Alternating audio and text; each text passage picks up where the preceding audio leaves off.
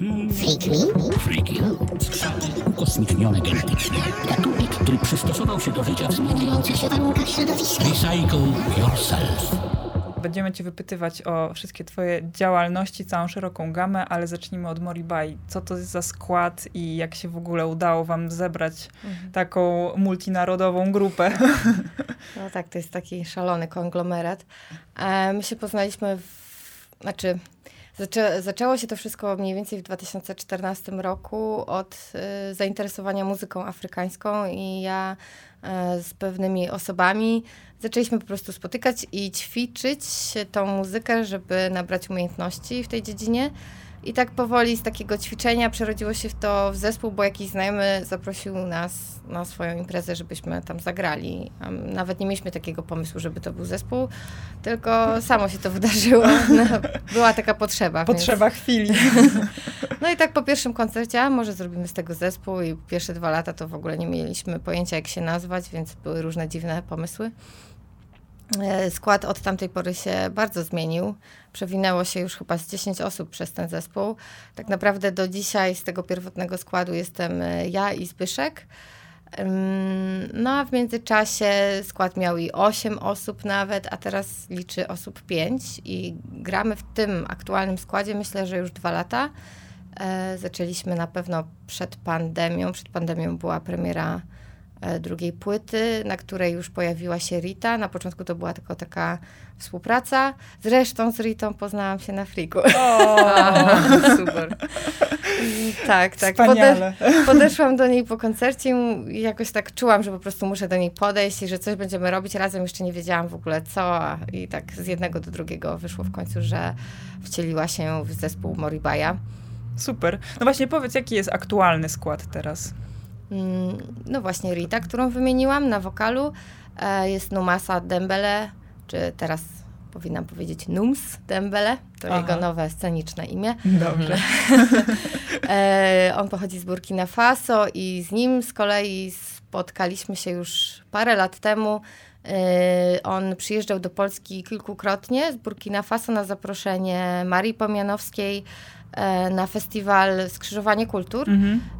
I za chyba trzecim razem, jak tutaj się pojawił, spotkaliśmy go na ulicy z bratem, grał na balafonie i my -hmm. po mhm. prostu nas e, zamurowało, że jak to takich dwóch afrykańskich wirtuozów sobie siedzi i gra na balafonie. I no oczywiście to... od razu ich zgarnęliśmy, wiadomo, no. Wyłap, wyłapuje się od razu tak, takie. To ja tak samo Numasę poznałam właśnie przy metrze centrum na ulicy stał i grał na balafonie i jak gdzieś już z kilometra tam mnie dokładnie, ściągnęło do niego i stałam mówię, nie wierzę w ogóle, co ten no, człowiek do... tutaj robi. Dokładnie miałam to samo. Tak, czy ja słyszę balafon? I tak Pol, do Pola, mojego partnera, no chyba tak, chyba tak. I poszliśmy za dźwiękami balafonu, no i tam ich znaleźliśmy, jak sobie grali w duecie. I zagraliśmy pierwszy koncert w składzie butelek. E, to chyba był jakiś 2017 rok. Potem oni wrócili do, Burka, do Burkina Faso i potem Numasa wrócił do Polski już sam. E, bardzo był zdecydowany, że Polska to jest to miejsce, w którym on chce mieszkać. Zakochał się w ogóle w Polsce, bardzo mu się spodobało. No jak właściwie e, przyjechał, to od razu zadzwonił do mnie, cześć, co robisz? Bo ja jestem w Polsce. A ja tak, co? no i, i od razu zaczęliśmy razem grać. E, no i tak do dzisiaj, do dzisiaj gramy. A powiedz mi, w tym pierwotnym składzie byli sami Polacy? Czy też tak, już... Tak, tak, tak, Aha. sami Polacy. Mhm. Czyli potem, potem się, potem się tak. dopiero tak, tak, tak, My tutaj stworzyliśmy jakąś bazę.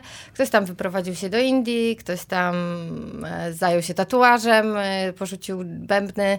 I tak no, ewoluowało. Mhm. E, Paul z Australii, Paul Grokot, pojawił się u nas na sali prób właśnie przez tego kolegę, który wyprowadził się do Indii, bo ten kolega z nami grał i poznali się z tym kolegą w Afryce dwóch białych zobaczyło się na odległość, że jakiś biały człowiek. Wpadli sobie w ramiona wytęsknieni, bo oboje dawno nikogo nie spotkali, z kim mogliby porozmawiać na europejskie tematy. Więc zaprzyjaźnili się od razu i później Paul przyjechał odwiedzić go tutaj w Polsce, a że też łączyła ich muzyka, no to wspólnie się spędza czas grając tą muzykę. No i przyjechał do nas na próbę, no i tak Potem znowu przyjechał, potem znowu. No, potem zostaliśmy parą i tak gramy teraz razem i współtworzymy ten zespół. I tak się ten, y, uformował z, y, aktualny tak, tak, skład. Tak. Mhm.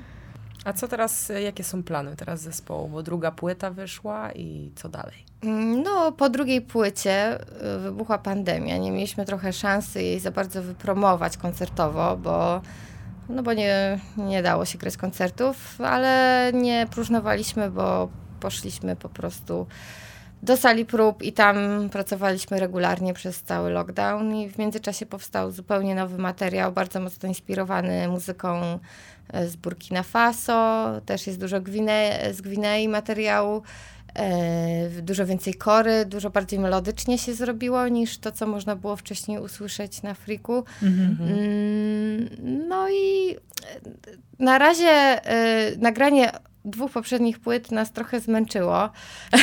Jest to duże przedsięwzięcie, więc nie, nie ciśniemy się na płytę kolejną, aczkolwiek już za miesiąc y, albo szybciej będzie premiera naszego singla na Spotify'u, potem będzie premiera mhm. drugiego singla na Spotify'u.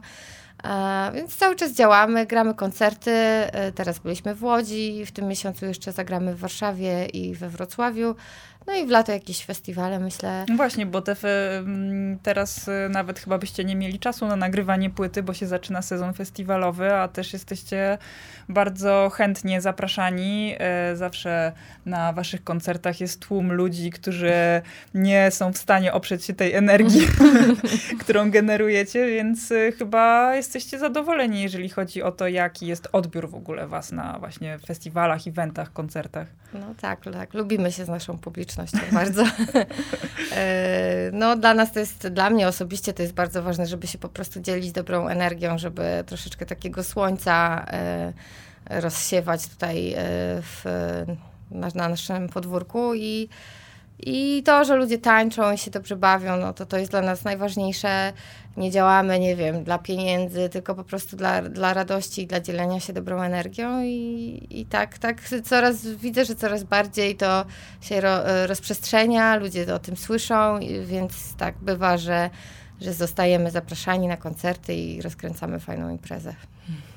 Super, no to właśnie, trzymamy kciuki też za ten sezon, który tak już się zapowiada e, mhm. coraz bardziej imprezowo, festiwalowo.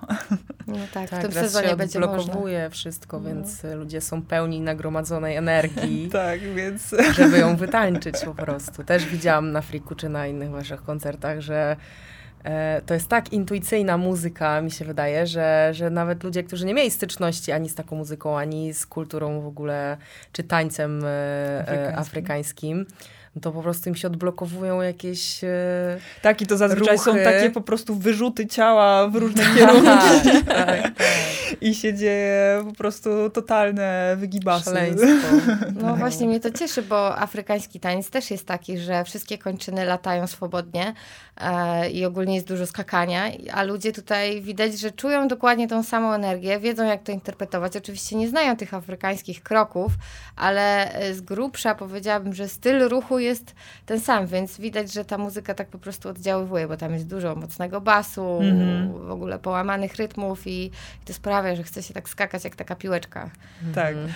Do tańca afrykańskiego jeszcze wrócimy, mm -hmm. żeby jeszcze e, właśnie skończyć tematy muzyczno-zespołowe, e, bo ja jeszcze chciałabym zapytać, bo właśnie przedstawiłaś cały zespół, a jeszcze e, twoja osoba zasila też na bębnach, tak? Mhm. I jaka w ogóle była twoja droga, bo jesteś chyba jedną z nielicznych tak dobrze wyszkolonych bębniarek w Polsce. No, ja zapisałam się po prostu do szkoły gry na bębnach, w której obecnie pracuję i uczę. E, więc e, zatoczyłam takie koło. Najpierw się tam uczyłam, a teraz sama tam uczę. Pobrałam trochę pierwszych lekcji, a później to były kongi, czyli bębny afrokubańskie.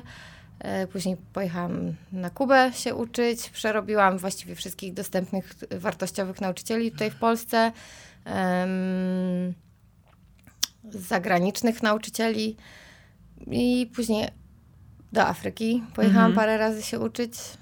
Tak cały czas y, się rozwijałam po prostu w temacie. Co mnie nowego zainteresowało, zawsze te wszystkie e, sięgałam po te rytmy, które były gdzieś w z korzeniami afrykańskimi, bo ta kubańska muzyka też bardzo mocno jest zakorzeniona e, w muzyce afrykańskiej. Jakoś tak się wydarzyło, że ta wschodnia rytmika nie do końca, aczkolwiek też jest ładna i mnie pociąga, ale jakoś ta, ta, ta afrykańska energia zawsze wygrywała. I w końcu z tej Kuby przerzuciłam się na afrykańskie rytmy, bo mam wrażenie, że one po prostu są jakieś takie najbliżej ziemi, najbliżej pierwotnej energii, mhm. takie e, nie są uczesane, nie są jakimś takim włożone w taki jakiś ład kulturowy, taki, jakieś takie ramy, tylko nie wiem, mówią czystym głosem po prostu. Prosto ze źródła prostu. Tak, tak. Mhm. Super. Także po prostu podczepiam się pod źródło. Czyli najpierw trafiłaś, jak się zetknęłaś z kulturą afrykańską, to, to na co najpierw trafiłaś? Właśnie na, na muzykę, na bębny czy na taniec? Na bębny, na bębny, ale taniec zaraz od razu był z tym połączony, bo afrykańskie bębny są ściśle związane z tym tańcem zobaczyłam pierwszy raz e, taniec afrykański na festiwalu w Malborku. To ekipa z Łodzi organizowała taki festiwal kiedyś. I tam akurat białe dziewczyny tańczyły. E, I za pierwszym razem nawet szczerze przyznam, że nie do końca mi się to spodobało. Ale tak sobie myślę, że są takie rzeczy w życiu, na które się tak trafia i one na początku są takie jakby wytrawne, nie tak jak z oliwkami jest, że na początku pierwsze parę oliwek ci nie smakuje, a później nie możesz się od nich oderwać. No to to było też coś takiego, że trzeba było najpierw trochę zrozumienia dla tej muzyki, żeby mhm. drzwi się otworzyły i że, żeby umieć e, dostrzec jej, jej piękno. Mhm. No to nie jest coś, co u nas jest y, dostępne. Przede wszystkim w naszej kulturze ta afrykańska muzyka się nie pojawia, bo też nie mieliśmy po prostu historycznych kontaktów takich z Afryką, jak nie wiem, Francuzi na przykład mieli, mhm. bo we Francji ta muzyka już jest od dawna obecna i oni ją rozumieją i bardzo um, respektują, lubią. A u nas, dla, dla nas to była zupełna nowość, więc na początku to taki nawet trochę szok. Nie wiadomo, jak tego słuchać, jak to słyszeć. A mm. niektóre rytmy są na tyle trudne, że nawet po paru latach nauki dopiero nauczyłam się je słyszeć we właściwym właściwy sposób, nie? Bo czasami słyszysz je zupełnie odwrotnie. Tak, niż... tak. Czasami gdzie jest to raz, e, to jest bardzo trudne pytanie. Tak, tak. I to wtedy jest zupełnie inny rytm tak naprawdę, tak jakbyś słyszała zupełnie inny utwór, nie? Mhm. Trzeba mieć taki klucz e, zrozumienia do nich. I wtedy dopiero byłaś w stanie docenić kunszt tego tańca i w ogóle o co tam chodzi. Tak, tak, tak. Czemu one tak machają tymi kończynami. No tak. No tak. E, ale po inspirację właśnie jeździsz e, chyba co roku, tak, do Afryki? No niestety co roku to nie jest możliwe, mhm. ale staram się. No teraz byłam właściwie na trzecim wyjeździe do Afryki Zachodniej. E, to była Gwinea. Wcześniej było Burkina Faso, a wcześniej było Mali. Mm. Ogólnie ten region Afryki Zachodniej to jest to miejsce, gdzie e, ta muzyka jest najciekawsza i naj, ta tradycja grania i tańczenia jest taka najbardziej rozbudowana. Mm, no, jeszcze zostało w planach, mam Wybrzeże Kości Słoniowej, może kiedyś Senegal, ale teraz najbardziej tak myślę o tym wybrzeżu. No i na pewno powroty do Mali i Burkina, bo to są wspaniałe miejsca. Super, a jak wyglądają w ogóle takie wyjazdy? W sensie to organizujecie tam, przyjeżdżacie do kogoś na zaproszenie i odbywają się warsztaty, czy y, jak to wygląda? Może być bardzo różnie.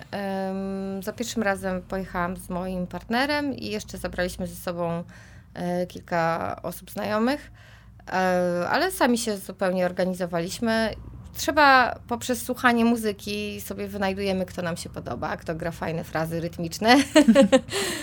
Czyli jest... znajdujecie sobie mistrza. Tak, tak znajdujemy sobie mistrza i potem dzięki internetowi i w ogóle sieci kontaktów takiej ogólnoświatowej tak naprawdę, bo e, teraz ludzie grają i w Meksyku, i w Korei i tak dalej i są te grupy na Facebooku. Teraz to naprawdę łatwo do siebie już dotrzeć, więc Wystarczy odezwać się do tego muzyka, który cię zainteresuje i, i zapytać się, czy cię zap, znaczy zaprosi, czy, czy się tobą zaopiekuje tam w Afryce, bo ktoś zawsze musi się opiekować, z miejscowych, czy weźmiecie pod swoje skrzydła, czy cię nauczy no i można przyjechać na zaproszenie takiej osoby.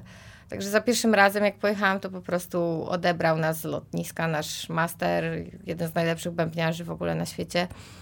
Kto to był? E, Basidikone z mhm. zespołu Błazan z Mali. Mhm.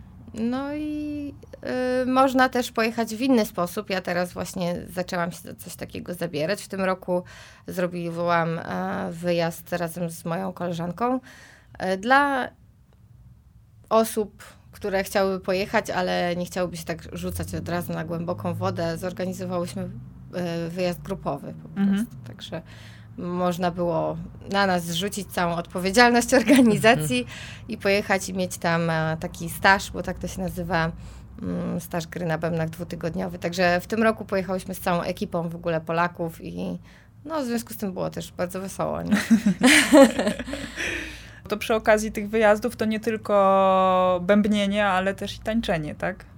Tak, nawet ostatni wyjazd zupełnie dla mnie zrobił się taneczny. Większość czasu tańczyłam, ale oczywiście no, muszę dzielić ten czas tak pół na pół, zwykle pomiędzy bębny a taniec. A no tak jak wcześniej wspominałam, e, bębny z tańcem są ściśle związane. Tak się mówi, że w ogóle nie grało się po to, żeby słuchać tej muzyki, tylko po to, żeby tańczyć. Tak jakby ludzie tańczący mieli potrzebę i zgłaszali tą potrzebę, że teraz grajcie, bo my chcemy sobie potańczyć, nie? Także... A nie, że ktoś grał, bo chciał sobie posłuchać muzyki. Tak, tak, tak. Nie było takiego konceptu. To jest niedawny pomysł, żeby mm, nagrywać na przykład płyty, które są takie stricte bębniarskie. Mam wrażenie, że to nawet świat zachodni, jakby przy, ludzie z zachodu przyjechali i zaczęli pokazywać Afrykańczykom, że to jest taka dla nas piękna muzyka e, i my chcemy też po prostu tego słuchać na przykład i grać, Mhm. że nie tylko, nie tylko po to, żeby sobie potańczyć. Czyli tam to była bardziej muzyka użytkowa. Tak, tak jakby. Stricte, tak, tak, tak, Mhm. tak. Ale czy Trochę w jak ogóle... te nasze, wiecie, y, jakieś mazurki czy coś, nie? Nikt Mhm. tego nie słuchał. To było na potańcówy stricte, nie? No tak. Czy, czy w kulturze e, tej afrykańskiej, z którą się zetknęłaś, każdy ma dostęp do tej muzyki? W sensie w wiosce każdy może sobie potańczyć? Czy to jest tak, że są e, jakieś... Grupy taneczne. Grup, znaczy nie, no, że w sensie na przykład, nie wiem, tylko mężczyźni mogą tańczyć, albo e, tylko, nie wiem, zamężne kobiety, czy, czy jest coś takiego w ogóle? Nie, wszyscy, wszyscy. Wszyscy. Mhm. Ale są na przykład dedykowane tańce lub dedykowane imprezy dla jakiejś tam grupy społecznej, tak jak powiedziałaś, na przykład dla dzieci e, w Gwinei. Bardzo mnie to zaskoczyło, że właśnie były takie jakby imprezki dla dzieci. Kinderball. I oni wtedy mają jakieś, nie wiem, łatwiejsze rytmy, czy jak czymś to się różni, czy tak Nie, samo tańczą? chyba Mniej więcej tak samo. W ogóle te dzieciaki są niesamowite. Na pewno każdy z Was widział te wideo w internecie, jak jakiś mały afrykański brzdąc po prostu tak wywija, jak żaden dorosły Afryka... Europejczyk nie potrafi. E, o, te dzieciaki są świetne w naśladowaniu w ogóle dorosłych e, i czasami też jakieś małe dziecko, które gra na bębnach, ja jestem w szoku, ja, że on nawet tą mimikę ma, jak taki dorosły bębniarz, już tą mimikę sceniczną, nie? Że po prostu ogląda, e, ogląda i, na, i naśladuje, no, już taki mały dorosły. No, ale myślę, że też tak abstrahując już od tego, o czym rozmawiamy, że, e, że właśnie oni się też w ten sposób w ogóle uczą tej muzyki. Są bardzo dobrymi obserwatorami i wyłączają głowę, z czym u nas e, jest Ciężko. duży problem. Ludzie bardzo swoją, mm, mają tą obecność e, umysłu jakby w procesie nauki i on trochę jak taka mgła im e, zaciemnia obraz, a czasami wystarczy tak po prostu się otworzyć, tak trochę być takim bezmyślnym jakby, Mhm. ale Intuicyjnie o, tak, otworzyć Na się na flow. taki przepływ, na intuicję i na po prostu taką obserwację, to, to są też te, e, nie wiem, neurony lustrzane, czy coś, to tak się teraz nazywa, że po prostu jak taka małpka powtarzamy, nie? I, i oni widzę, że w ten sposób się uczą i właśnie te dzieciaki też tak grają, ale sorry, że odeszłam od tematu. Nie, nie, to jakby jest Wszystko jest w temacie. Jak najbardziej. Zresztą właśnie to są bardzo ciekawe obserwacje i też, e, no właśnie, sama e, koncepcja nauki gry na instrumentach, czy właśnie stricte już na bębnach, tak, że to każdy, znaczy pewnie większość e, osób z zachodu ma tę tendencję, żeby tu sobie rozpisać, policzyć i jakby dokładnie wiedzieć co i jak, Mhm. a dopóki się właśnie tego nie poczuje i nie Tak, a jak na przykład flow, źle to- coś zagrasz, to już nie jesteś w stanie e, Doliczyć się. zaimprowizować gdzieś czegokolwiek w tym momencie, tylko i starasz się dalej w ten schemat powtórzyć. tak. nie? To Wrócić do schematu, no. No tak. To jest ciekawy wątek, że y, czy tam właśnie takie wspólne gry i tańce są y, właśnie tak jak mówił, powiedziałaś, że są dla dzieci, y, na imprezy dla dzieci, ale czy są też jakieś specjalne ceremonie albo właśnie, nie wiem, na zaślubiny? tak, tak, tak, Do, dobrze, dobrze myślisz. E, nie jest, e, akurat w tym regionie Afryki Zachodniej ten taniec i granie na bębnach nie ma charakteru takiego religijnego. E, to już bardziej w Afryce Środkowej i Południowej takie rzeczy się zdarzają, takie religijne wchodzenie w trans, gdzie tam schodzi na ciebie bóstwo i właściwie odgrywa się jakieś scenki mitologiczne na przykład. O. Natomiast tam, gdzie e, jeżdżę właśnie do Afryki Zachodniej, to jest stricte taka celebracja życia, wspólne spotkanie taniec, wymiana energii, właśnie bardzo często śluby to jest główny powód, a tych ślubów jest bardzo dużo i one odbywają się, te wesela odbywają się na ulicy. Po prostu rozkłada się krzesełka na ulicy, e, zostawia się na środku plac, to tak w mieście wygląda, nie? Bo koncepcja jest wzięta z wioski po prostu, a wioska składa się z tego, że są domki, a na środku jest plac, a jeszcze najfajniej jakieś drzewo, jakiś tam baobab, który rzuca cień na środku tej wioski, więc ten plac jest bardzo taką ważną koncepcją.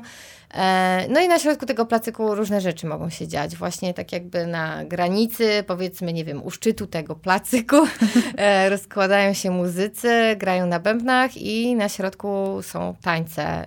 Y, I te tańce są takie, że wyskakuje się na środek i tańczy się solo samemu.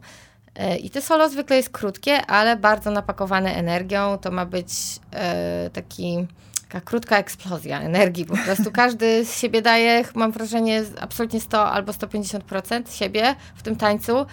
E, I potem sobie siada i, i, siedzi. I jak nabierze sił znowu, to znowu wychodzi i tańczy. Ale taka solówka taneczna kończy się e, takim taką wspólną kulminacją jakby e, podgrzanie, to się tak można przetłumaczyć na polski, mhm. gdzie pozostali no, tancerze się dołączają i, i przez chwilę dzieje się to razem. E, no naprawdę to można przyrównać do takiego e, orgazmu jakby, nie? Że już jest koniec, już wszystko się dzieje i potem psz, spokój i potem znowu narasta energia, nie? Mhm. Także to ma taką, e, taką formę takiej właśnie sinusoidy energetycznej. Mm, także tak, śluby jak najbardziej, ale na wioskach jeszcze w takich starszych czasach było dużo różnych okazji, właściwie co co tam można było sobie za okazję wymyślić, to ona była dobra, żeby zrobić e, fetę i żeby przy tej okazji grać, śpiewać, e, tańczyć. No na przykład zbiory. Mm, ludzie w polu, w polu pracują, a jacyś tam bębniarze im przygrywają, żeby im się łatwiej grało, co zresztą potem wywędrowało do mm, Ameryki, mm nie? Mhm. Oni sobie też tak blues powstał i tak dalej, żeby sobie tą pracę ułatwiać e, muzyką. Jakoś urytmicznić też. Zresztą u nas też się tak robi. Wszystkie pani w biurach mają zawsze włączone RMF-ki. No, tak, i to też jest... Szyb, szybciej się ta praca schodzi jakoś, nie? Czy zależy jaka praca, to taki rytm. No, no tak, tak. Tak, tak, to prawda. E, na przykład też e, fajną okazją może być, e, że przychodzi duch z lasu, czyli jakiś dorosły człowiek przebrany w ogóle w jakieś trawy, ma wielką maskę, jakieś lusterka, wiszą mu różne e, ciekawe dekoracje z niego. Te stroje są zresztą bardzo czasami wymyślne. No i przychodzi i on ma straszyć e, dzieci na przykład, nie? taki babiaga. I, i, jest, I to jest taki strach, że jak nie będziesz grzeczny, to cię kondens zabierze, nie? I i to jest y, coś, co ma sprawić, że dzieciaki będą się słuchać rodziców na przykład, nie? Mhm. Taki namacalny po prostu diabeł z lasu przyszedł, odtańczył swój taniec, mhm. dzieciaki wszystkie przerażone. Tak jak święty Mikołaj, że za każdym razem ktoś inny się przebiera w niego, tak, ale tak, żeby było tak. przypomnienie, że on jednak no. tam jest. A tutaj y, zawodowy tańcerz taki, bo on będzie tam oprócz tego jeszcze zachwycał dorosłych swoim po prostu kunsztem tanecznym.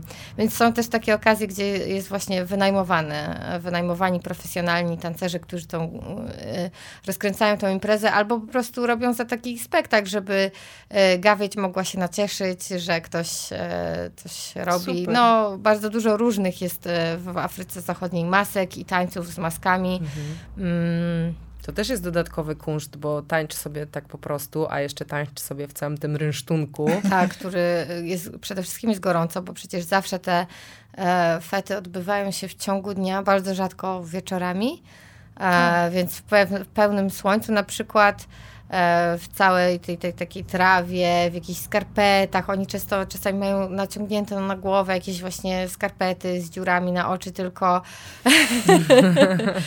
Także tak, to jest, e, oni naprawdę e, niesamowicie są e, mocni, mam wrażenie, fizycznie. Ta ich cielesna strona jest ich mocną stroną, naprawdę. Mm. No, my... A dlaczego w ciągu dnia, a nie wieczorem? Przecież właśnie wieczorem nie Brak byłoby prądu, nie widać. A og ogień, mhm. nie? Przy ognisku nie? No, mało drzewa. Trawa ci się Wyda spali. Wydaje mi się, że mało okay. drzewa też może być i no, że mhm. raczej... Ale no są też... Y niektóre imprezy wieczorne, szczególnie w mieście, jak już jest ten prąd, mają takie wielkie lampy i sobie naświetlają. Um, no, tak, mhm. tak. Jakieś takie bardziej no, tak. uwodzicielskie sprawy to się wieczorami odbywają. Nie dla dzieci. tak, tak. Także Ale... bardzo dużo różnych okazji jest właśnie, żeby zrobić taką imprezę. No, wiadomo, teraz jest tak, że y, ta kultura się przemieszała bardzo, są nowe czasy. Ja trochę nawiązałam wcześniej do tego, jak to było tak tradycyjnie. Mhm. Ale teraz w mieście to się wszystko miksuje i mam wrażenie, że najwięcej, najwięcej to jest jednak wesel po prostu. Mhm. A czy można doświadczyć tej muzyki tak spontanicznie na ulicy, że ludzie przed domem na przykład się spotkają sąsiedzi zaczną sobie bębnić i tańczyć? Czy to jest takie właśnie bardziej ceremonialne, że to jest jakaś e, e, ustalona data czy, czy miejsce? Trochę chyba bardziej ta druga opcja. Ja się przynajmniej e, nie spotkałam z takim, bo to potrzeba już e, przywieźć instrumenty czasami skądś i zwykle się zatrudnia profesjonalnych muzyków, żeby rozkręcili fajnie imprezę, także często to jest jakaś taka umówiona rzecz, ale właściwie jak się przejdziesz po prostu ulicą w weekend, to na pewno coś znajdziesz. to, to jest tak powszechne, tam się cały czas coś dzieje, więc e, łatwo o to też. To jest e, cały czas obecne i na, na, całe szczęście ja się bardzo cieszę, że nie jest tak jak na Kubie, gdzie kiedyś tańczono y, jeszcze do niedawna rumbę uliczną, więc grali na bębnach i sobie tańczyli, a reggaeton, czyli muzyka już nagrywana w studiu, taka bardziej dyskotekowa, zastąpiła to i puszcza się muzykę z, z właśnie z głośników. Mhm. Natomiast w Afryce te bębny cały czas, doszła oczywiście gitara elektryczna, czasami jest, nie wiem, jak, kogo, jak ktoś ma albo coś takiego, ale bębny cały czas są bardzo obecne. Aczkolwiek no też zdarzało się, że nie wiem, w knajpce na przykład na święta Bożego Narodzenia, na Wigilię sobie poszliśmy do jakiegoś tam baru, który był niedaleko i siedzieli sobie um, muzycy, czy nawet nie wiem, czy oni byli muzykami, muzykanci, muzykowali mhm. sobie, e, grali na takich e, ngoni, to jest taka harfa myśliwska, więc e, cichszy trochę instrument i sobie śpiewali i, i grali i tam jak poniosły emocje, to chwilę potańczyli. Bardzo fajny, bardzo fajny instrument w ogóle, ma taki hipnotyzujący dźwięk. I z takich podróży przywozicie inspiracje i nie wiem, za każdym razem pięć nowych rytmów, czy... Tak, tak. Czyli cały czas mhm. jakby powiększacie bazę rytmiczną, to się... Tak, cały czas się okazuje, że jeszcze jest coś nowego e, do poznania. Mm, myślę, że właśnie ta kolejna podróż, którą planuję do Wybrzeża Kości Słoniowej będzie jeszcze w ogóle pełna nowych rytmów, bo tam jest cała, cała, cały rozdział, którego jeszcze na przykład nie znam i on czeka na odkrycie. A poza tym jeszcze przywozimy dużo instrumentów. Albo skórne bębny na przykład, żeby potem móc sobie te instrumenty naprawiać. E, no i oczywiście dużo inspiracji, tak jak teraz wróciłam z Gwinei, no to cała pełna energii, żeby jednak rozruszać ten taniec afrykański w Warszawie, który raz lepiej, raz gorzej um, nie ma zbyt wiele, zbyt wielu chętnych, żeby w tym uczestniczyć. Wciąż jest, nie, nie jest jakiś popularny, ale ja właśnie wróciłam z taką energią, że do, dobra, będę to promować, musi się to dziać, to jest po prostu dobre. Mhm. To sprawia, że się człowiek dobrze czuje i trzeba to robić. Bo też zapytałam cię o to właśnie, czy na ulicy można spotkać, bo ja jak byłam pierwszy raz w mhm. Andaluzji, to też miałam takie e, oczekiwania, że flamenko w ogóle na każdym rogu się będzie na mnie rzucać i że oni tam, wiesz, siedzą w mhm. knajpie, piją wino i, i, i, po prostu to się dzieje. No okazało się, że to już jest tak sturyzowane, turystykowane, zarażone skomercjalizowane, tak, że po prostu są tylko jakieś tam określone miejsca, gdzie oni o tej, o tej godzinie grają jak ktoś gdzieś tam na freestylu na ulicy coś e, zrobi, no to no to tak bardziej taki wyjątek niż, niż że to Mhm. tak wygląda, tak jak kiedyś, nie? Mhm. E, a interesuje mnie też, czy e, jakie jest zetknięcie z, e, w ogóle z, z tą muzyką w takich z, zwyczajnych rodzinach na co dzień, bo Numasa, jak z nim rozmawiałam, no to on ma tam, nie wiem, 20, 20, 20 rodzeństwa ponad, tak? I każdy z nich tam gra na czymś. I, I czy to jest taki klasyk, że te dzieci od małego, i tak jak mówisz, że oni tam wywijają już lepiej niż Europejczycy, takie małe brzdące, czy, czy oni to mają od małego w domu, że rzeczywiście się każdy coś tam, jakiś bęben miał kiedyś w ręku albo jakiś inny instrument, czy to też jest tak, że już to jest jakiś muzyk, który bardziej idzie w tą stronę? Mhm. Nie wiem, czy można mówić o podziale na kasty, ale bardziej na takie grupy zawodowe. Może e, na przykład Numasa po prostu pochodzi z, z, rodzi- z rodziny muzycznej. Mm, I to tak jest, że jak e, ojciec na przykład y, był muzykiem, no to dzieciaki robią to, co widzą u niego, nie? Naśladują ojca i, i dlatego są też e, muzykalne. A mogą być na przykład rodziny krawców i wszyscy będą wtedy krawcami. Także to, to się dzieli na takie grupy. Czasami oczywiście jest wyłamanie. Znam też takich e, muzyków, którzy, których rodzice, nie wiem, zupełnie czym innym się zajmowali, a, a on wziął za dżembo, ale nawet nie, nie było to z, e, mile widziane w rodzinie, no bo e, muzyk to za wiele nie zarabia i to nie jest dobry zawód. To samo Więc- co u nas. Ta sama śpiewka. Tak, tak, tak, tak, tak. Ale e, na przykład w Gwinei teraz, jak byłam, jest w stolicy w Konakry, na każdej dzielnicy są takie miejsca, mm, można by to nazwać, nie wiem, świetlicą, domem kultury albo centrum sportu i rekreacji, tylko najjaśniejsze warunki. E, Duża sala, gdzie jacyś dorośli ludzie prowadzą takie stowarzyszenia czy coś takiego, e, to są, nazywają się baletami. I to są po prostu takie zespoły pieśni i tańca. I tam em, można przychodzić i grać na bębnach, można przychodzić i się uczyć tańca. I widziałam, że są i dzieciaki, i młodzież, głównie w ogóle młodzież, w bardzo różnych jakby stadiach zaawansowania w tym tańcu. Mm, Więc już była taka grupa najbardziej profesjonalna, która ewidentnie tam występuje, i taka grupa przyuczająca się. Bardzo dużo młodzieży po prostu lokalnej tam z dzielnicy mogą przyjść, zapisać się i będą chodzić sobie trzy razy w tygodniu po, nie wiem, trzy godziny e, cisnąć ten taniec, więc to naprawdę byłam też e, bardzo mile zaskoczona wysokim poziomem, na jakim oni to tam robią. Ale to też są w takim razie jakby zorganizowane zajęcia, na których oni się Mhm. uczą, a nie, że starszyzna na przykład przekazuje w każdym domu albo... Tak, no myślę, że tak, starszyzna tak, tak. też w domach muzycznych przekazuje jak najbardziej, aczkolwiek u nich nie ma tego właśnie konceptu, że ja cię uczę, tylko ty się sam uczysz słuchając mnie, Mhm. o, obserwując i jak ci pozwolę, to możesz pograć trochę na moim balafonie czy tam na moim dżembę, Em, ale bardzo dużo po prostu słuchają i w ten sposób się uczą. Ale no, na przykład taniec to trzeba ewidentnie trenować fizycznie, żeby zostać tym takim profesjonalnym tancerzem, który na przykład potem może właśnie ubrać maskę i tam e, zostać opłacony za to, że odegra jakiś spektakl lub e, po prostu biorą udział w spektaklach muzycznych. No to wszystko właśnie się zmieniło w ciągu, wiadomo, ostatniego tam, nie wiem, stulecia. Em, trochę ten charakter z takiego wioskowego, em, z wioskowego spotkania społecznego dostępnego dla wszystkich poszedł też trochę w stronę takiej profesjonalizacji. Mhm. Więc to też e, można w tym momencie oglądać jako spektakl na scenie, już nie tylko, nie tylko w tym uczestniczyć. Aczkolwiek na wsiach też jak najbardziej to dalej ma miejsce. Na przykład jeszcze jedną ciekawą e, celebracją jest takie Stowarzyszenie Silnych Mężczyzn, bo pytałaś wcześniej też, czy Mhm. mężczyźni mają swój taniec, czy kobiety mają swój taniec. Oczywiście właśnie też mają. E, I na przykład silni mężczyźni tworzą jakieś stowarzyszenie, do którego się tylko niektórzy dostają Tylko tam. silni. tak, tak. Ja nie wiem, jakie tam są kryteria do końca, no ale na pewno tak. Nie dostałaś się. I oni sobie tańczą w kręgu i imponują swoimi e, muskułami. Cały ten taniec, który tańczą, właśnie jest naprężaniem mięśni. Mm. Świetne. No, no polecam. U nas też jest coś takiego, nazywa się siłownia. Ale tam jest w rytm bębnu, w fajnym stroju z siekierką. E, Bardzo fajnie to wygląda, jak taki e, no jak taki męski huragan mocy po prostu przechodzący przez wioskę. Um, Czyli oni to potem pokazują jakby tak, publice tak, jest, szerszej, nie to, że to sam krąg mężczyzn. cały tydzień trwa i e, grają tam sobie po ileś godzin dziennie na bębnach i, i tańczą.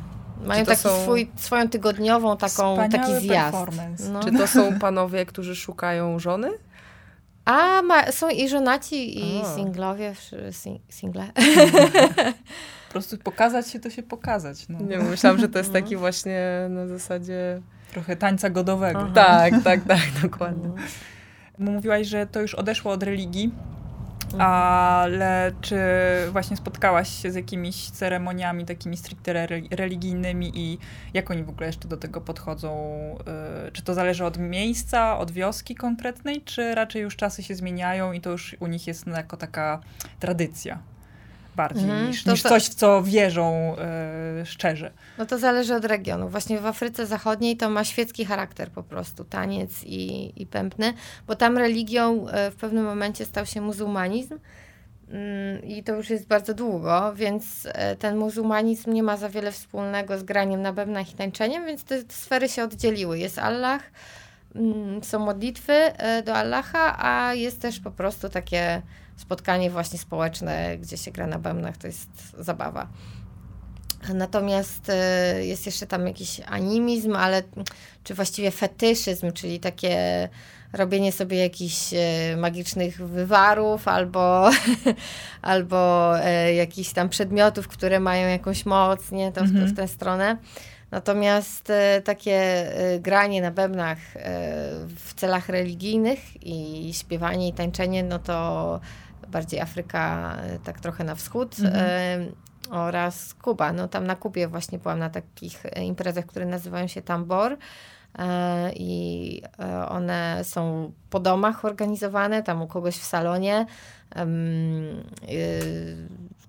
Też w drugim pokoju, oprócz tego salonu, są, jest ustawiony ołtarzyk E, dla bóstw. E, tam stawia się jakieś torty wypiekane, piękne, różowe, niebieskie, zielone, takie wielkie. E, I te torty tam w ogóle leżą jakimiś dniami, więc one aż tak zmarnieje zupełnie. No nikt tego nie je, bo to jest dla bóstw, nie? Mhm. I tam idzie się w to miejsce, zaczyna się tą imprezę od tego, że idzie się w to miejsce i e, muzycy tam grają cały taki przebieg um, bębniarskiej muzyki, można powiedzieć tam 30, 30 minut grają dla bóstw i nikt tam nie śpiewa, nikt tam, nikogo więcej tam nie ma, a potem e, wszyscy zgromadzeni idą do tego salonu, czy tam na jakiś e, dziedziniec i tam jest granie, śpiewanie, trochę rumu i, i często też jest jakiś taki bardziej profesjonalny tancerz y, z, tam, z jakiegoś baletu czy z grupy tanecznej zatrudniony, przychodzi w, cał, w pełnym rysztunku, w stroju, we wszystkim, przebrany za jakieś konkretne bóstwo, do którego z, zresztą został przydzielony tam w, w swojej inicjacji. Um, I on jakby wchodzi w tą rolę i trochę nakręca ten taki vibe, że, że coś się dzieje nadprzyrodzonego teraz. Mhm. I tak ludzie wchodzą w ten trans. Y, no to jest tak, niby projektują to na siebie, ale niektórzy to naprawdę odczuwają później bardzo mocno.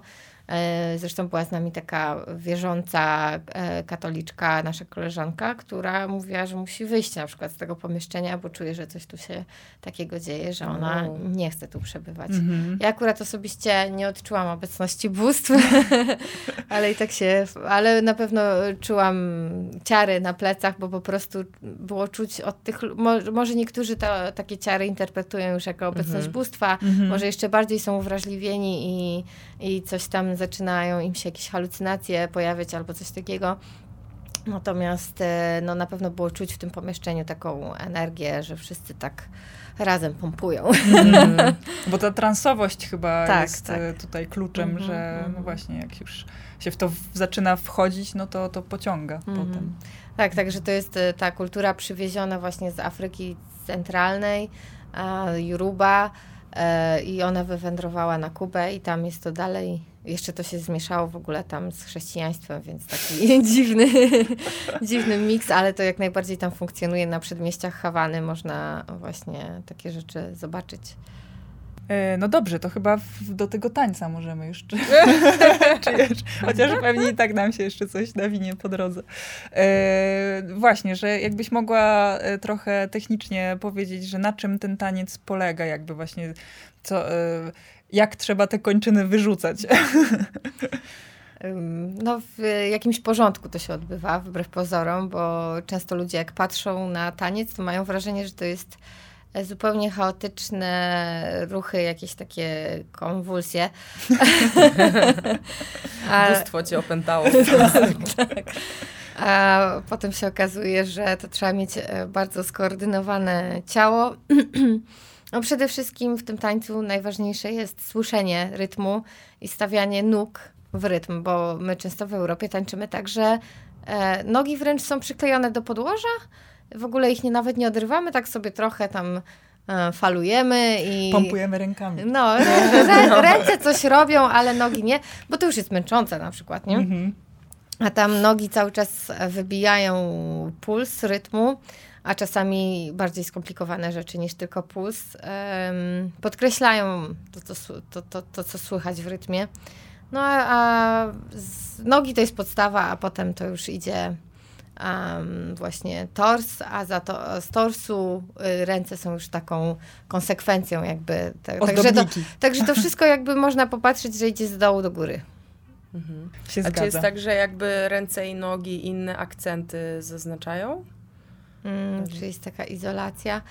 Mm, wydaje mi się, że to jest y, zawsze y, konsekwentne, że jedno z drugiego wychodzi, nie? Że mhm um, że ciało się albo otwiera, albo się zamyka e, i, i wszystko bo na przykład w jakimś belly dance czy ATS-ie, nie? Tak mhm. jest rzeczywiście, że bardzo się stawia na tę izolację, że biodra co innego, ręce co innego.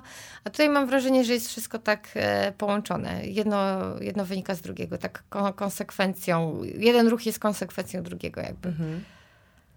No i to jest też niezła siłownia chyba. Tak, tak, tak, albo crossfit na to też czasami A. ludzie mówią, że crossfit przy pewnych. Dlatego, może dlatego e, jest tak mało chętnych w Polsce. Bo często e, słyszę, o to był niezły wycisk. Mhm.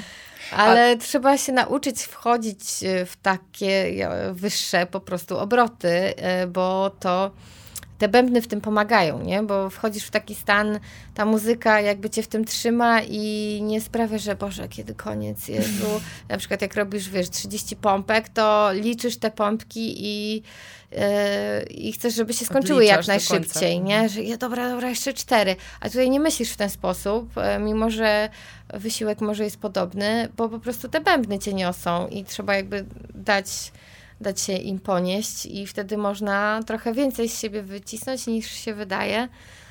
No, ale to jest poparte treningami, więc na początku trzeba wejść na, na taką, e, na, w taką formę. Ale ja to bardzo polecam, bo myślę, że to jest bardzo zdrowe. Na pewno. Mhm. Ale właśnie jak na festiwalach prowadzisz zajęcia z e, tańca afrykańskiego, to jaki jest odbiór? W sensie, bo tam zawsze mhm. pełno ludzi. Na festiwale przyjeżdżają jacyś zdrowi ludzie, nie, z, e, nie siedzący wiesz, z pizzą przed telewizorem, tylko bardzo często to są opalone, zgrabne ciała. wyfestywalizowane. Tak, to jest festiwalowy styl życia, więc oni w to wchodzą jak woda w ogóle. E, widać, nigdy tego może nie robili, ale jakoś mam wrażenie, że mają super kontakt ze swoim ciałem. No, dużo z tych ludzi może jakąś jogę robiło albo inne rzeczy albo po prostu są otwarci i nie zniechęcają się. Na początku tak było jeszcze parę lat temu, bo troszeczkę się w Polsce zmieniło od jakichś ostatnich pięciu lat i kiedyś to zaczynałam z 30 osobami, kończyłam z pięcioma, a wszyscy byli czerwoni na twarzach i w ogóle uf, jak to... E, bo nie wiem, ludzie też na przykład pili już o, na festiwalu, czy na ogólnie wydarzeniu kulturalnym, pili od 12 piwo na przykład, a po mhm. piwie nie da się tańczyć tańca afrykańskiego, czy robić capoeiry, bo po prostu można dostać takiej zadyszki, że nic z tego nie wyjdzie. Jeszcze na słońcu. No, no, tak, tak, także no, trzeba do tego podejść jak do ćwiczeń, ale no, w zdrowym ciele zdrowy duch i naprawdę dużo radości się, po prostu endorfiny się wydzielają i Jak ktoś tego nie doświadczył i sobie tego odmawia, no to mam wrażenie, że bardzo dużo przyjemności z życia mu gdzieś ucieknie i nawet tego nie doświadczy. Także y, na festiwalach bardzo dobrze jest to przyjmowane, coraz lepiej. Mhm, super. Mm. No to właśnie, może stamtąd się zbierze grupa na bardziej e, cykliczne spotkania. Ale, y, ale właśnie jak y, mm, robisz układy, bo mówiłaś, że to jest zazwyczaj, że wychodzą i mają swoje 5 minut ci tancerze y, w mhm. Afryce. To na jakiej zasadzie ty prowadzisz? Czy to są jakieś układy, czy to też właśnie każdy ma, nie wiem, potem swoje 5 minut? I... No czasami jak jest możliwość, jak grupa nie jest za wielka, nie wiem, bo na przykład tak jak na festiwalu Wibracje, tam jest, nie wiem, 300 osób tańczących, to ciężko każdemu dać 5 minut, bo byśmy to do, do tak. nocy tańczyli, ale e, czasami jak jest jakaś trochę mniejsza grupa, tak, to możemy zrobić sobie takie kółeczko i każdy wyskakuje sobie na solówkę, jak w breakdance, wiecie. Mhm. Um, ale tak to w, na warsztacie polega to na tym, że przygotowujemy taką właśnie króciutką, potencjalną solów, solówkę do, mhm. do, za, do, do zatańczenia. No bo Oczywiście taka solówka, no to, to zależy, kto ma jakie umiejętności i jak, jak funkcjonuje. No niektórzy potrafią improwizować, a niektórzy po, potrzebują już mieć przygotowaną formę przed, żeby móc to dobrze wykonać. No a to jest też jakiś materiał, na którym można się nauczyć w ogóle podstawo, podstaw języka tego tańca, nie? E, trzeba wziąć jakieś kroki jako przykładowe ruchy, żeby nauczyć się, że tutaj mają się zginać kolana, ciało ma pracować w taki, w taki sposób. Także to jest jak nauka języka. Najpierw trzeba poznać parę podstawowych wyrazów, żeby potem móc mhm. z nich składać zdania swoje. Super. No tak, wygląda bardzo energicznie i zachęcająco. To właśnie zawsze jest. Jak się widzi e, taniec afrykański, to ma się ochotę od razu dołączać. A ja muszę przyznać, że dla mnie to nie było łatwe, bo myśmy się poznały z, e, na właśnie na warsztatach jednych takich, to było Centrum e, mhm. Sztuki Współczesnej? Tak. No, no i właśnie tam, ja tam poszłam głównie na bębny, a szłam z koleżanką, która szła tam głównie na taniec. I ja na bębnach się świetnie bawiłam, ale też miałam wcześniej styczność jakby z różnymi bębnami, a, a na tańcu po prostu nie nadążałam zupełnie, a wcześniej też tańczyłam różne tańce, mhm. czy belly dance na przykład, ale to było tak inne, mhm. właśnie ta... E, e, dla mnie w ogóle ja nie byłam w stanie wcelować w rytm, który, gdzie mam poczucie rytmu, a jakby właśnie w tym w dobrym momencie wymachnięcie tą ręką, to ja już byłam kawałek za późno, nie? Że a, to już w ogóle. I, I naprawdę było to wymagające dla mnie i tak, co też o czym mówiłaś, że za, za duża myślowa, nie? Że mhm. analizujesz wszystko, gdzie, w którym momencie co powinno być i ja zanim przeszłam do roboty, to już byłam spóźniona. Tak, no. Tak, no tak, ale jak ze wszystkim po prostu praktyka sprawia, że, że orientujesz się bardziej w tym, co się dzieje, także. No, myślę, że też za, ja bym, jakbym poszła teraz na belly dance, to też na pewno bym nie wiedziała, co robić. Tak, ale ja mówiłam tylko o formie wizualnej, że jak się widzi, jak ktoś tam... Tak, tak bo Marta, ciebie jakoś nie pamiętam na tańcu. Nie, nie, ja, ja nie mam doświadczeń, więc właśnie tutaj z tej pozycji A, obserwatora, tak. że, że chciałoby się dołączyć. Dobrze ci się patrzy po prostu. tak, tak. Na filmikach wygląda ekstra. A w Afryce właśnie jak, e, jak są te wesela czy coś, że na, na ulicy coś się dzieje, no to ludzie się tak dołączają randomowo, czy raczej obserwują? Mm, różnie. E, myślę, że szczególnie młodzi lubią sobie potańczyć, więc mhm. jak są młodzi, to się dołączają. A starsze osoby to już tak, a ja już swoje chyba odtańczyłam, mm. sobie siedzę wygodnie, nie, na siedzonku. Czasem, e, nie wiem, może zostanie taka wywołana jakaś tam Mariami czy Miriam, że ma wstać i tańczyć, ale to, ale to wtedy już tak e, delikatniej, nie, tak e, li, licuje to z jej wiekiem, czy coś -hmm. takiego. Mm, ale lubią sobie potańczyć w każdym wieku. No też mieliśmy w tym roku taką panią um, e, właścicielkę domu, w którym mieszkaliśmy, żonę dyrektora baletu narodowego i ona za każdym razem, jak widziała, że idziemy teraz na trening, to o, jak ja byłam młoda, jak ja tańczyłam i od razu rzucała e, w bok miski i zaczynała mi demonstrować swoje ruchy. A była już naprawdę bardzo stara, miała z 80 parę lat. I e, bardzo lubiła powspominać. Dusza tancerki, mhm. wiecznie żywo. Tak, tak, tak. No. no. ja chyba po prostu bardzo lubię w ogóle rytm i Mhm. w muzyce zawsze bardziej zwracam uwagę na rytm niż, na pewno niż na słowa. Słowa w ogóle dla mnie nie mają znaczenia. bardzo rzadko na to zwracam uwagę. Bardziej zwracam uwagę w jakim rytmie ktoś śpiewa, jak dobierać dźwięki. Także no ten, ten rytm jest... to Podstawą. Jest, tak, to jest to, co sprawia, że ja tak czuję, że mi serce szyb, szybciej bije i, i chcę w to wejść. No. A próbowałaś uczyć się, czy uczyłaś się jakichś rytmów z innych części świata? No, miałam jakieś takie podejścia do bębnów obręczowych, czyli do rytmy perskie, rytmy arabskie. I tak czasami, czasami do tego wracam, ale bardzo rzadko. Ym, To jest coś, co jeszcze planuję w przyszłości zrobić. Zostawiam to sobie na starość, bo to można robić bez większego wysiłku fizycznego, natomiast dżembe jest bardzo wymagającym instrumentem, więc póki mogę, to gram na dżembę, a potem... Na starość. Tak, a na starość będę sobie grała na bębnach obręczowych palcami, na tarapuce palcami. Tak, Albo jak ta pani tancerka tam w wieku 80 lat jeszcze. no, tak, to, tak to będzie pewnie. No tak, bo to jest też przedsięwzięcie właśnie e, przewożenie e, na różne warsztaty czy koncerty. To też jest cała logistyka, żeby te instrumenty poprzewozić. No tak, tak. Mam duży samochód z wielkim bagażnikiem, e, gdzie zmieszczę dużo, dużo bębnów. One też są ciężkie, ale jakoś ostatnio tak los mi sprzyja, że coraz mniej mam noszenia, po prostu gram. E, Ale nawet samo granie jest naprawdę bardzo wymagające fizycznie. Ja to tak mówię z perspektywy kobiety, bo mało kobiet gra na dżembę. No zresztą w Afryce kobiety nie grają na dżembę, raczej faceci. Jak się spojrzy, jacy to są faceci, to jest po prostu naprawdę umieśniona klata, umieśnione ręce. To po prostu musisz w Polsce założyć grupę silnych mężczyzn, którzy będą tańczyć i wozić i przenosić bębny. No to tak mniej więcej wygląda nasz zespół. A kobiety w ogóle grają w, w Afryce? Widać e, coś takiego? Teraz Nie już tańczą. tak, ale wcześniej nie. Mhm. Mm, To jest, to jest jakiś Była now, męska nowum. domena. Tak, tak, tak. E, facet był kowalem, więc miał e, dostęp do narzędzi metalowych, z których, którymi mógł wykonać sobie bęben.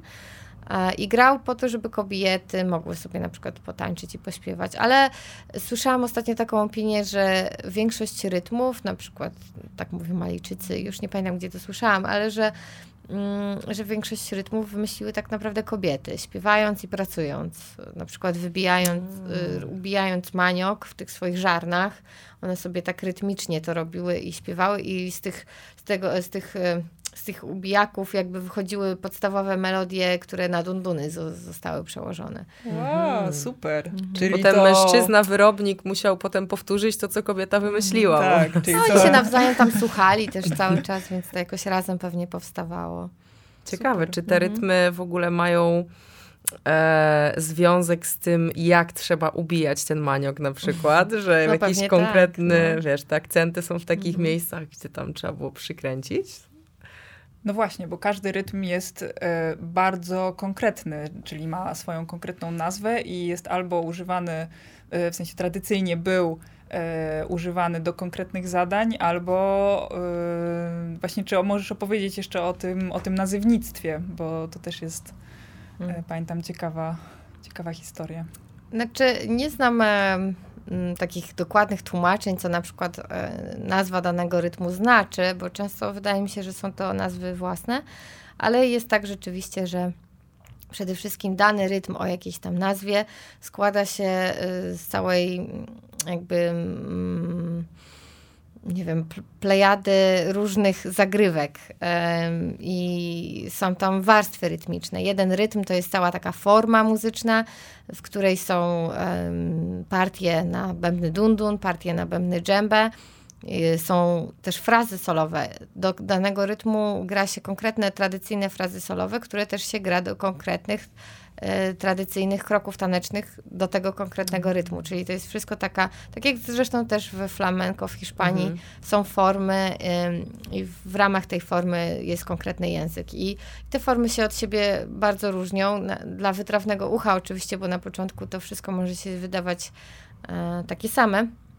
Ale jak się troszeczkę bliżej pozna, to okazuje się, że są różne, e, niektórzy na to mówią dialekty, groowy, różny typ swingu jakby, mhm. według którego gra się dany rytm, czyli są takie podstawowe, można powiedzieć, grupy rytmów, które się potem dzielą jeszcze na konkretne nazwy rytmów i tak one też miały, że na przykład kasę gra się na na właśnie zbiory, nie? A soli gra się na, z okazji obrzezania chłopców, a meniani gra się z okazji obrzezania dziewczyn e, młodych. Także no, każdy rytm też tradycyjnie miał swoje znaczenie. Teraz to tak trochę się wszystko miesza rzeczywiście i gra się wszystko, szczególnie w stolicach, nie? Tam jest dużo szybsze życie i jest tygiel też kulturowy, no bo Afryka to jest taka mozaika małych grup etnicznych, e, językowych. E, właściwie 100 kilometrów dalej już ktoś mówił w zupełnie innym języku, a w stolicy to jest wszystko przemieszane, więc też te rytmy się przenikają i troszeczkę może tracą swój kontekst, ale,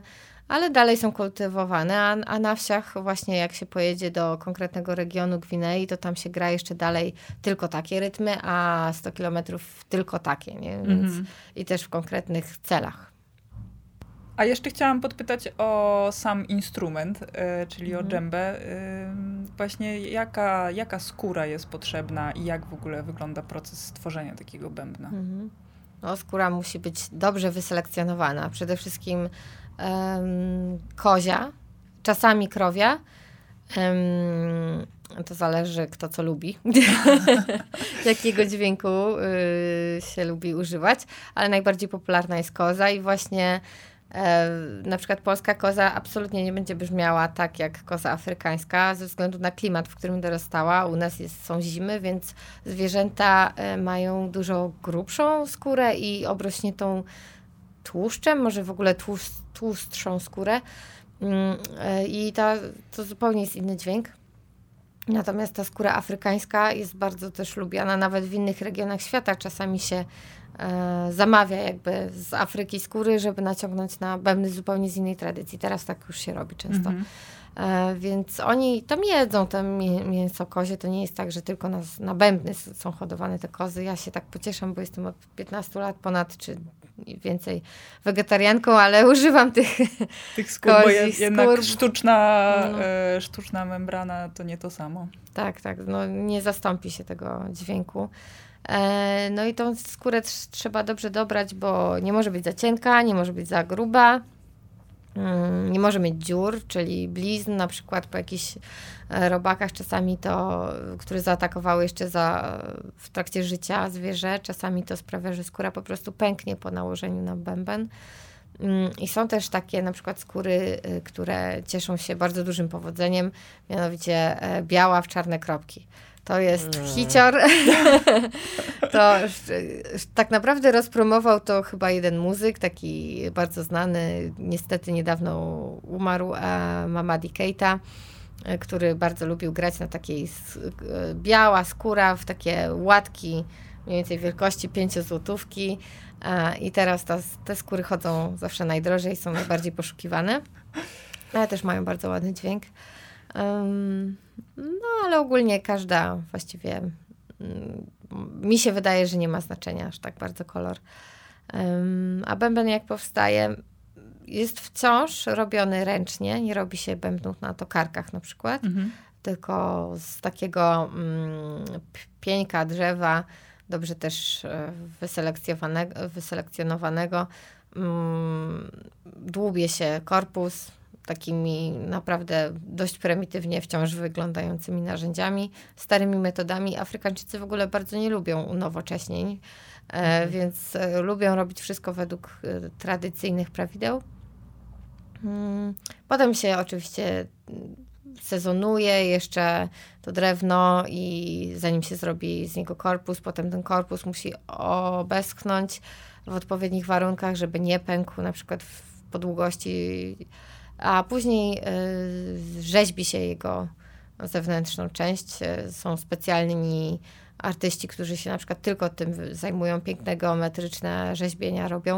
Ja zresztą byłam w kilku takich miejscach, gdzie robi się bębny. To są takie manufaktury dosłownie siedmiu może pracowników, każdy ma swój jakby dział, ci robią, na przykład obrabiają na początku te pieńki, potem ktoś tam e, robi e, jakby już dokładniejszą obróbkę tam tą dziurkę w środku, na przykład ktoś robi, a ktoś robi tylko obręcze metalowe, bo jeszcze się nakłada na to takie obręcze metalowe z takiego drutu jakby zbrojeniowego. Mhm.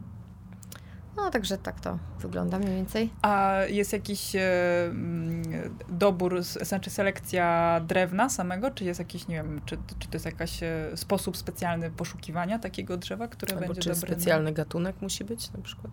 W mhm. kropki? Tak, są, są ulubione drewna, które y, mają dźwię dźwięczne są po prostu. Jak się... chodzą i obstukują drzewa? Nie, oni wiedzą już od dawna, wiedzą, które drewna fajnie brzmią, które są też drewna cięższe i lżejsze, gęstsze, tłustsze, suchsze, takie bardziej jakby miękkie i, i twardsze. E, z niektórych bębnów robi się dunduny, bo są trochę lżejsze i właśnie miększe, a, a z niektórych drewien, moje ulubione na przykład, uważam, że najbardziej dźwięczne jest lenkę, dość jasne drewno. To są ogólnie no, afrykańskie nazwy, tak? Y, mhm. Hari, lenkę, y, teraz nie pamiętam pozostałych. Nie, ja się aż tak bardzo tymi technicznymi aspektami nie interesuję, Jasne. ale. Um, ale tak, jest może z pięć czy sześć gatunków najpopularniejszych e, drewna, z których się robi i niestety nie ma za dużo tego drewna, więc też trzeba tak z szacunkiem do tego podchodzić. E, ale no to są bardzo szlachetne w ogóle mm, drewna. Jak się potem dotyka tych instrumentów, to potrafią być takie gładkie i, no i pięknie wyglądają. A z polskich drzew by się dało zrobić mhm. Fajną dżembę? Mamy w Polsce w ogóle paru naprawdę fajnych wytwórców e, bębnów, o, ale oni się rzeczywiście wzorują na afrykańskich metodach i, i robią według af, totalnie afrykańskiej tradycji. Um, te bębny wyglądają prawie tak samo i brzmią świetnie. I z tego, co kojarzę, to czereśnia jest takim popularnym um, drewnem i jeszcze jakiś, ale zapomniałam. Jasne. Hmm. Ale też się, też się da, coś, coś tam mamy.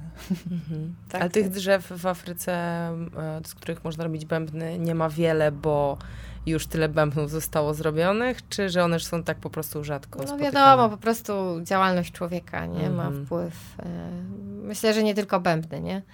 Znaczy, ale, kwestia, ale tych że... bębnów, mhm. tak szczerze mówiąc, patrzę, kurczę, powstaje naprawdę duża ilość i zastanawiam się, no bo nie tylko ja przecież kupuję bębny, tak, tylko ludzie na całym świecie w ogóle bardzo dużo. No, ja nawet patrzę, ile, e, ile ja przez siebie, że tak powiem, przepuszczam tych bębnów, bo mhm. ja je puszczam dalej, e, kupuję z Afryki sprowadzane instrumenty i ludzie do mnie przychodzą i, i odkupują. Mm, więc jak ja sobie pomyślę, ile ja puściłam bez żadnego absolutnie nawet przykładania uwagi do tego tematu, tak po prostu to się dzieje. Jak ludzie mają potrzebę, to, to im odsprzedam. A jak e, ktoś prowadzi jeszcze taki interes, e, że sprzedaje te bębny, to w każdym kraju ileś takich osób jest, to naprawdę tego mhm. sporo musi być i nie znam skali jakby problemu, ale wydaje mi się, że, że ten temat może być powoli blisko końca, jak, jak wszystkie inne tematy związane z ekologią mm-hmm. ostatnio. No tak, no bo to nie jest tylko kwestia tego, że jakby sam klimat e, jest ciężki po prostu mm-hmm. dla, dla drzew. Jest ich mało, tylko jeszcze dodatkowo zabieram. Są przetrzebione. tak. Mhm. Mm. No ale na pewno oni muszą sadzić też te drzewa, bo, mm, no bo to bo później robią z nich te bębny. Czyli są szkółki leśne no. na bębny. A jeden bęben to całe jedno drzewo musi do tego zostać Nie, zużyte, nie, czy... nie. Wydaje mi się, że nie, że, że można pewnie ze trzy nawet zrobić z jednego drzewa. Mhm. No ale właśnie, to jest zawsze, nie, od zawsze jakby właśnie ta, ta dusza instrumentu, tak, że to mhm. jakby no, no my mamy takie podejście, że no chciałbym właśnie grać na bębnie, no to sobie kupię bęben, tak, ale, ale tak y, tradycyjnie to y, właśnie jak się rozumie cały ten proces i ile właśnie jest y, mhm. i pracy i poświęcenia natury też, żeby ten instrument mhm. powstał, no to jakby jest inny szacunek, tak? Żeby... Tak, tak i i nie kupuje się wtedy tak, bo mam wrażenie, że u nas to tak ludzie, a kupię sobie. I ten bęben potem stoi. Ja tak czasami sobie myślę, ile bębnów w Polsce stoi i kurz łapie, nie? Mhm. Po prostu. Zdoba w końcu. A czy to było takie potrzebne też, -hmm. nie? Tak. A nie jest to właśnie artykuł pierwszej potrzeby i może, no w Afryce, oni to traktują, te, oni są biedni, więc próbują zarobić, no wiadomo. Mm, też trzeba ich zrozumieć, ale robią to wszystko starymi metodami, takimi jak robili dla siebie, kiedy zapotrzebowanie było dosłownie na parę bębnów mm -hmm. tylko, nie? No tak. Więc może dobrą drogą byłoby, że jeśli ktoś zaczyna, to żeby kupił sobie jednak bęben używany. ze sztucznych materiałów albo mm. używany. Mhm. I wtedy jak już się złapie taką prawdziwą zajawę, no to już można właśnie się y, próbować dogrzebać do tych no tak, lepszej jakości. Takich afrykańskich, mhm. tradycyjnych, tak. Albo możesz siedzieć w kącie i patrzeć, jak starszy to robi. I się nauczysz czegoś. Tak. No tak. Spłynie na ciebie. Ale to trzeba mieć dużo czasu na tą obserwację często tacy muzycy e, okazuje się, że na przykład nie chodzili na szkołę, bo do szkoły, bo i czasami są, e, nie potrafią pisać ani mhm. czytać. No i tym lepiej pewnie rozumieją te rytmy dzięki Tak, bo oni cały czas spędzali właśnie gdzieś wokół muzyki, nie? Tak, tak, no właśnie to jest.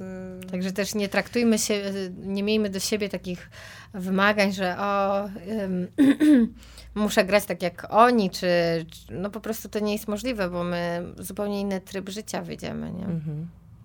U tak. nas nie ma czasu na tą obserwację, nie? Możesz mhm. pójść na warsztaty raz w tygodniu na godzinę i Tak, i, i może tyle. wtedy włączenie tego umysłu jest e, tak naprawdę też szybszą drogą, bo jak bo my jak zrozumiemy to za pomocą umysłu, to, to, to już możemy szybciej się tak naprawdę też nauczyć. Ale jest ten moment też bardzo ważny, właśnie wyłączania tej głowy, to jest tylko I może, tak, mhm. może w późniejszym trochę stadium, kiedy na początku pierwsze zasady, powiedzmy gramatyczne grania zostaną zrozumiane, to potem trzeba trochę odpuścić i już, żeby, żeby leciało po prostu. Mhm.